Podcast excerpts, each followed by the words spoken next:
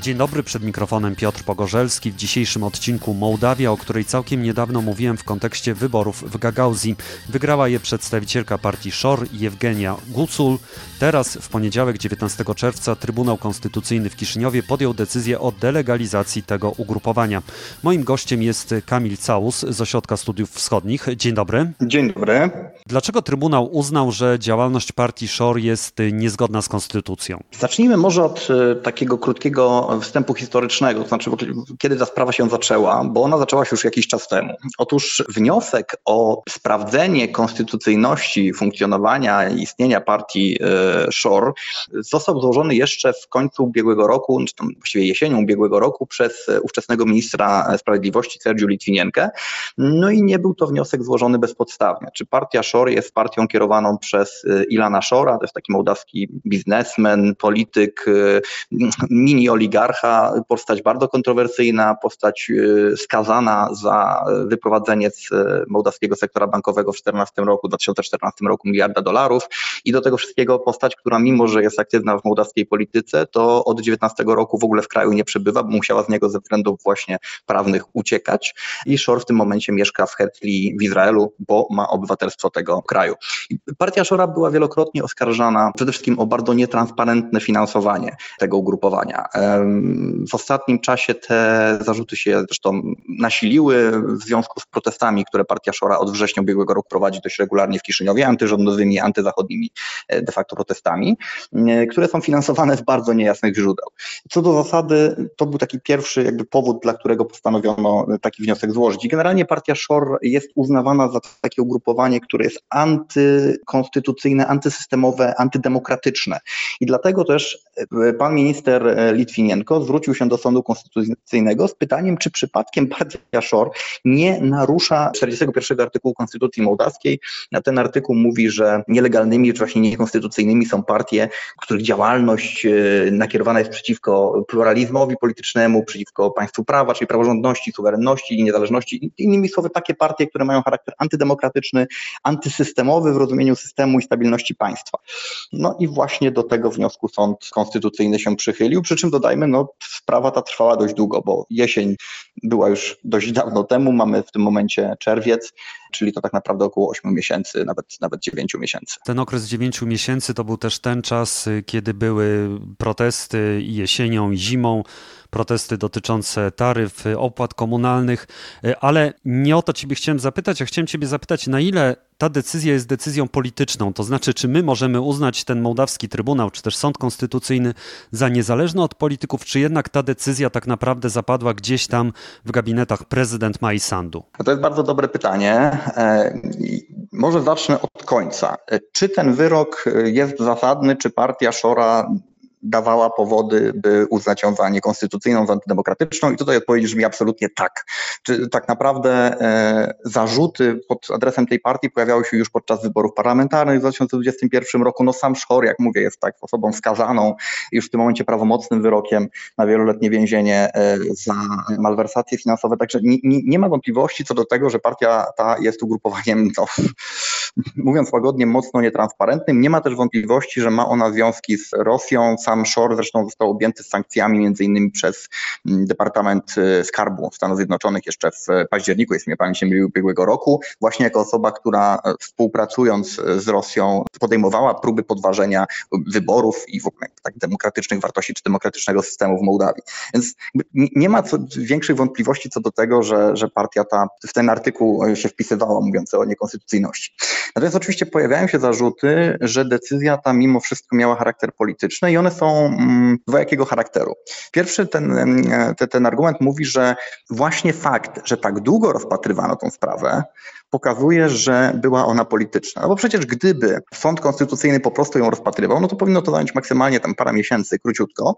Dowodów było dużo, prokuratura to zgromadziła, przekazała wszystko sądowi konstytucyjnemu, ale tego nie zrobiono. I teraz dlaczego tego nie zrobiono? No krytycy mówią, że dlatego, że nie do końca było wiadomo, jaki wyrok sąd powinien przyjąć właśnie ze względów politycznych.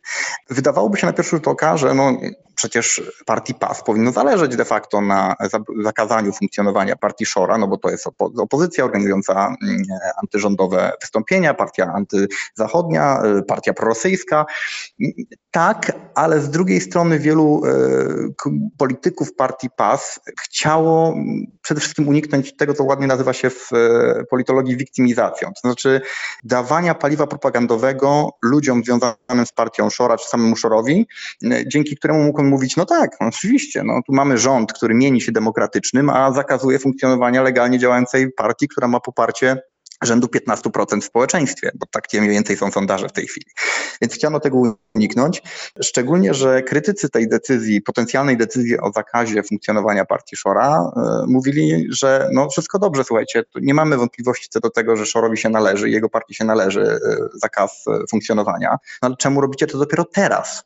Czemu podejmujecie decyzję o zakazie, czy wkładacie taki wniosek do sądu konstytucyjnego chwilę przed wyborami Baszkana?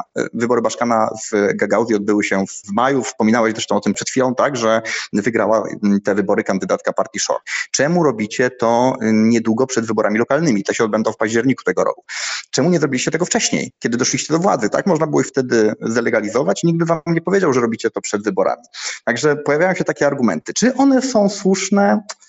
Trudno powiedzieć. Jest jeszcze jeden tak naprawdę wątek, który sprawia, że pojawiają się pewne zarzuty o, dotyczące tego, że sąd konstytucyjny jest może nie do końca niezależny i to jest fakt, że sądem tym zarządza, mm, czy kieruje pani e, Dominika Manole, która uważana jest za osobę bliską Majsandu, to znaczy bliską w sensie politycznym, bliską w sensie też osobistym, tak, jest jej koleżanką. Te wątki się tutaj mieszają, ale z mojej strony musimy pamiętać, że to jest Mołdawia, to znaczy to jest bardzo mały kraj i to, że istnieją jakieś związki między między osobami w sądownictwie, e, czy pewne poglądy polityczne, czy działania, które łączą osoby w sądownictwie na przykład z obecnym rządem, szczególnie przy tej ekipie prozachodniej, która jest relatywnie niewielka, no to nie jest nic jakoś szczególnie dziwnego. Tak, tak, bym, to, tak bym to ujął. Natomiast oczywiście pojawiają się zarzuty właśnie o, o upolitycznienie. Natomiast nad tym wszystkim jest to, o czym mówiłem na początku. Moim zdaniem nie ma większej wątpliwości co do tego, że taki wyrok jest wyrokiem słusznym i że partia e, Ilana Szora dała wystarczająco dużo dowodów, które zresztą prokuratura i, i służby antykorupcyjne mm, skrupulatnie kolekcjonowały, żeby podjąć decyzję o zakazie jej funkcjonowania. A co teraz y, czeka partię SZOR? Bo to jest ugrupowanie, które rządzi w niektórych miastach i regionach Mołdawii, tak jak właśnie mówiliśmy na przykład w Gagauzji. Tak, to znaczy wbrew pozorom niewiele się zmieni. Ja zaraz zresztą przejdę jakby do tego, na ile to jest faktycznie istotne y, na tak zwanym big picture, na większym obrazku, natomiast, czy w takiej szerszej skali, natomiast doraźnie Doraźnie to niewiele zmienia. Partia SZOR ma w parlamencie pięcioro deputatów, e, deputatów, przepraszam, oczywiście mówię o posłach. Wszyscy ci posłowie pozostaną na swoich miejscach, będą mieli swoje mandaty, tylko oczywiście stracą afiliację partyjną, jednocześnie nie będą mieli prawa formować ani nowych frakcji, ani też wstępować do innych frakcji politycznych. To jest e, ważny element. Plus ewentualnie, jeśli zrzekliby się mandatu lub utracili go w inny sposób, na przykład zmarliby albo coś takiego, no to ich miejsca pozostałyby wolne. Tak, tak to funkcjonuje. Organizacje partyjne formalnie podlegają rozwiązaniu już w momencie opublikowania wyroku, czyli już de facto zostały rozwiązane z punktu widzenia prawa, a majątek partii zgodnie z przepisami mołdawskimi powinien zostać znacjonalizowany, to znaczy powinien zostać przekazany na własność państwa. To się jeszcze nie stało, zobaczymy jak to będzie działało, no ale, ale tak, to, tak to powinno działać. Natomiast nie ma wątpliwości, że decyzja sądu nie sprawi, że partia Szora przestanie działać. E, to już zresztą zostało zadeklarowane wielokrotnie. E, spodziewano się tego zresztą eksperci, eksperci się tego spodziewali, że jeśli taki wyrok zostanie wydany, to partia Szora po prostu przyjmie nowy brand. I ten brand już był wcześniej przygotowywany, jest taka partia nomen omen e, czyli albo Renasztere, czyli po rumuńsku, czyli odrodzenie, ona ma dwie nazwy, rosyjską i rumuńską, e, odrodzenie, zmartwychwstanie, tak, że te, pod tym szyldem politycy partii Szora prawdopodobnie się na nowo zbiorą i dalej będą działali. Ta partia już istnieje od dłuższego czasu, także to nie chodzi jakby o założenie nowej partii, tylko o jej napełnienie nową treścią, zarówno ludzką, jak i ideologiczną, jeśli mogę sobie pozwolić na takie słowa. E, są tam między innymi tacy dwaj posłowie, którzy jeszcze do niedawna byli dość rozpoznawalnymi e, osobami w Partii Socjalistów Republiki Mołdawii, czyli tej największej liczebnie w parlamencie mołdawskim siły prorosyjskiej. Oni przeszli właśnie do tej partii, jeździli swego czasu nawet kilka miesięcy temu do Szora, do Izraela w niewiadomym celu, no ale możemy się domyślać, że dla konsultacji politycznych i dla ustalenia tego właśnie, jak ta partia później będzie działała po delegalizacji Szora. Partii Shore, więc, więc pewnie tak właśnie będzie, że ta partia po prostu przejmie rolę partii Shore i będzie korzystała z tej wspomnianej wcześniej wiktymizacji, czyli będzie mówiła, że to jest nasz nowy brand, ale wszyscy wiecie, rozumiecie, kim my jesteśmy i że zostaliśmy, jesteśmy prześladowani przez rzekomo prozachodnie i prodemokratyczne władze, które są wspierane przez Zachód, który przymyka oko na to, co dzieje się w naszym kraju. Czyli ja rozumiem, że na tym jakby rynku partii prorosyjskich, mołdawskich y, tutaj się nic nie zmieni. To znaczy nie można na przykład mieć takich oczekiwań, że do łask Kremla wróci Igor Dodon właśnie ze wspomnianą przez ciebie partią socjalistów. Myślę, że nie. Myślę, że Kreml będzie nadal wspierał przede wszystkim, czy inaczej, Kreml wspiera oczywiście obydwa obozy, natomiast partia socjalistów z Igorem Dodonem, ona jest ciągle w takim dość mocnym chaosie i chaosie ideologicznym, i kadrowym, i organizacyjnym, także no zresztą zawiodła już e, Kreml parę razy, natomiast Shor znany jest z tego, że mimo tych wszystkich problemów, którym podlega, chociażby tego, że nie ma go w kraju i tego, że jest skazany, to jest w stanie nadal efektywnie tą partią zdalnie zarządzać, ma ludzi na miejscu, ma e, kapitał. Skądś i e, jest w stanie chociażby organizować te regularne protesty, o których mówiliśmy wcześniej. Także myślę, że z punktu widzenia Rosji to jest w ogóle świetny, mm, świetny i wygodny instrument polityczny w Mołdawii. No, jedynym problemem tego instrumentu jest to, że Szor jest postrzegany nawet przez elektorat prorosyjski jako człowiek no, dość kontrowersyjny, jako taki trochę harcownik polityczny. Więc żaden poważnie myślący e, o, o wyborze partii, na którą chce głosować człowiek o poglądach prorosyjskich, na dłuższą metę na Szora nie zagłosuje, bo to jest potworny, skrajny populista, e, a do tego no, osoba, która jest uznawana za, za bardzo skorumpowaną.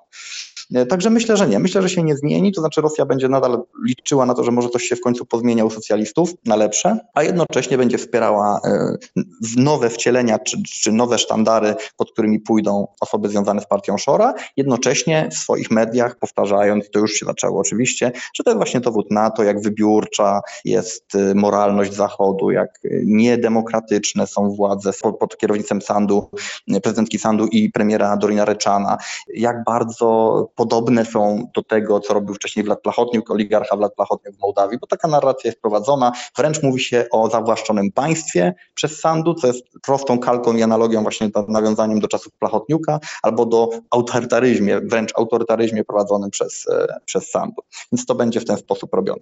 Natomiast chciałbym jednak dorzucić pewną łyżkę miodu do tego dziegciu, bo może w takiej kolejności trzeba byłoby to ująć. To, co się stało teraz, nie jest mimo wszystko rzeczą zupełnie bez wpływu na funkcjonowanie partii Szora. To jest kolejny element takiej układanki, która ogranicza mu swobodę ruchów. Najpierw Szor musiał wyjechać, potem prokuratura zaczęła wszczynać postępowania wobec kolejnych osób związanych z Szorem, przede wszystkim z, przeciwko Marinie Tauber, to jest taka jakby de facto namiestniczka Szora na miejscu w Mołdawii. Za rzeczy związane oczywiście właśnie z kwestiami finansowymi. Potem Szor został objęty sankcjami, najpierw Stanów Zjednoczonych, potem Wielkiej Brytanii, potem różnych państw Unii Europejskiej. W maju Polska objęła sankcjami Ilana Szora. To wszystko razem prowadziło do tego, że jego możliwości chociażby pozyskiwania środków, przesyłania jakichś swoich środków przez offshory z nim powiązane, bo to jest ważne źródło finansowania przecież dla niego i dla jego działalności politycznej, e, się kurczyło. Było coraz mniej ludzi, którzy mogli z nim robić interesy, już nawet nie mówiąc, że chcieli, ale po prostu mogli z nim robić interesy, no bo te sankcje jego ograniczały. A teraz doszła kolejna cegiełka do tej układanki, czyli zakaz funkcjonowania jego partii, no, który zmusza znowu jego grupę polityczną, jego współpracowników do tego, żeby coś wymyślić, czy trzeba tworzyć nową partię, że trzeba to rejestrować, że trzeba to promować. To są rzeczy, które jednak mimo wszystko ograniczają skuteczność tej partii i mam wrażenie, że to widać. Jeśli spojrzymy nawet na skalę protestów, o których mówiliśmy wcześniej, to e, one były, no okej, okay, były zauważalne, ale ostatecznie do niczego nie doprowadziły i mam wrażenie, że mogłyby być dużo większe, gdyby na przykład państwo mołdawskie się nie wzięło na poważnie e, za sprawdzanie, czy dosłownie rekwirowanie środków nieznanego pochodzenia, które były wykorzystywane do finansowania tych protestów. A tak było, że prokuratura, policja wchodziła do biur partyjnych, rekwirowała pieniądze, które najczęściej miały na sobie już konkretne oznaczenia dotyczące tego, na przykład do którego miasta i do których protestujących mają trafić, e, a które to pieniądze nie miały jasnego źródła pochodzenia. I to wszystko ogranicza i ograniczało skuteczność partii Shore. Także myślę, że na dłuższą metę ta decyzja jest jednak dla Shora no, dość utrudnia mu funkcjonowanie, choć daje też pewne możliwości do wykorzystania właśnie na poziomie propagandowym. Kamil Całus, Ośrodek Studiów Wschodnich, bardzo dziękuję. Dzięki serdeczne.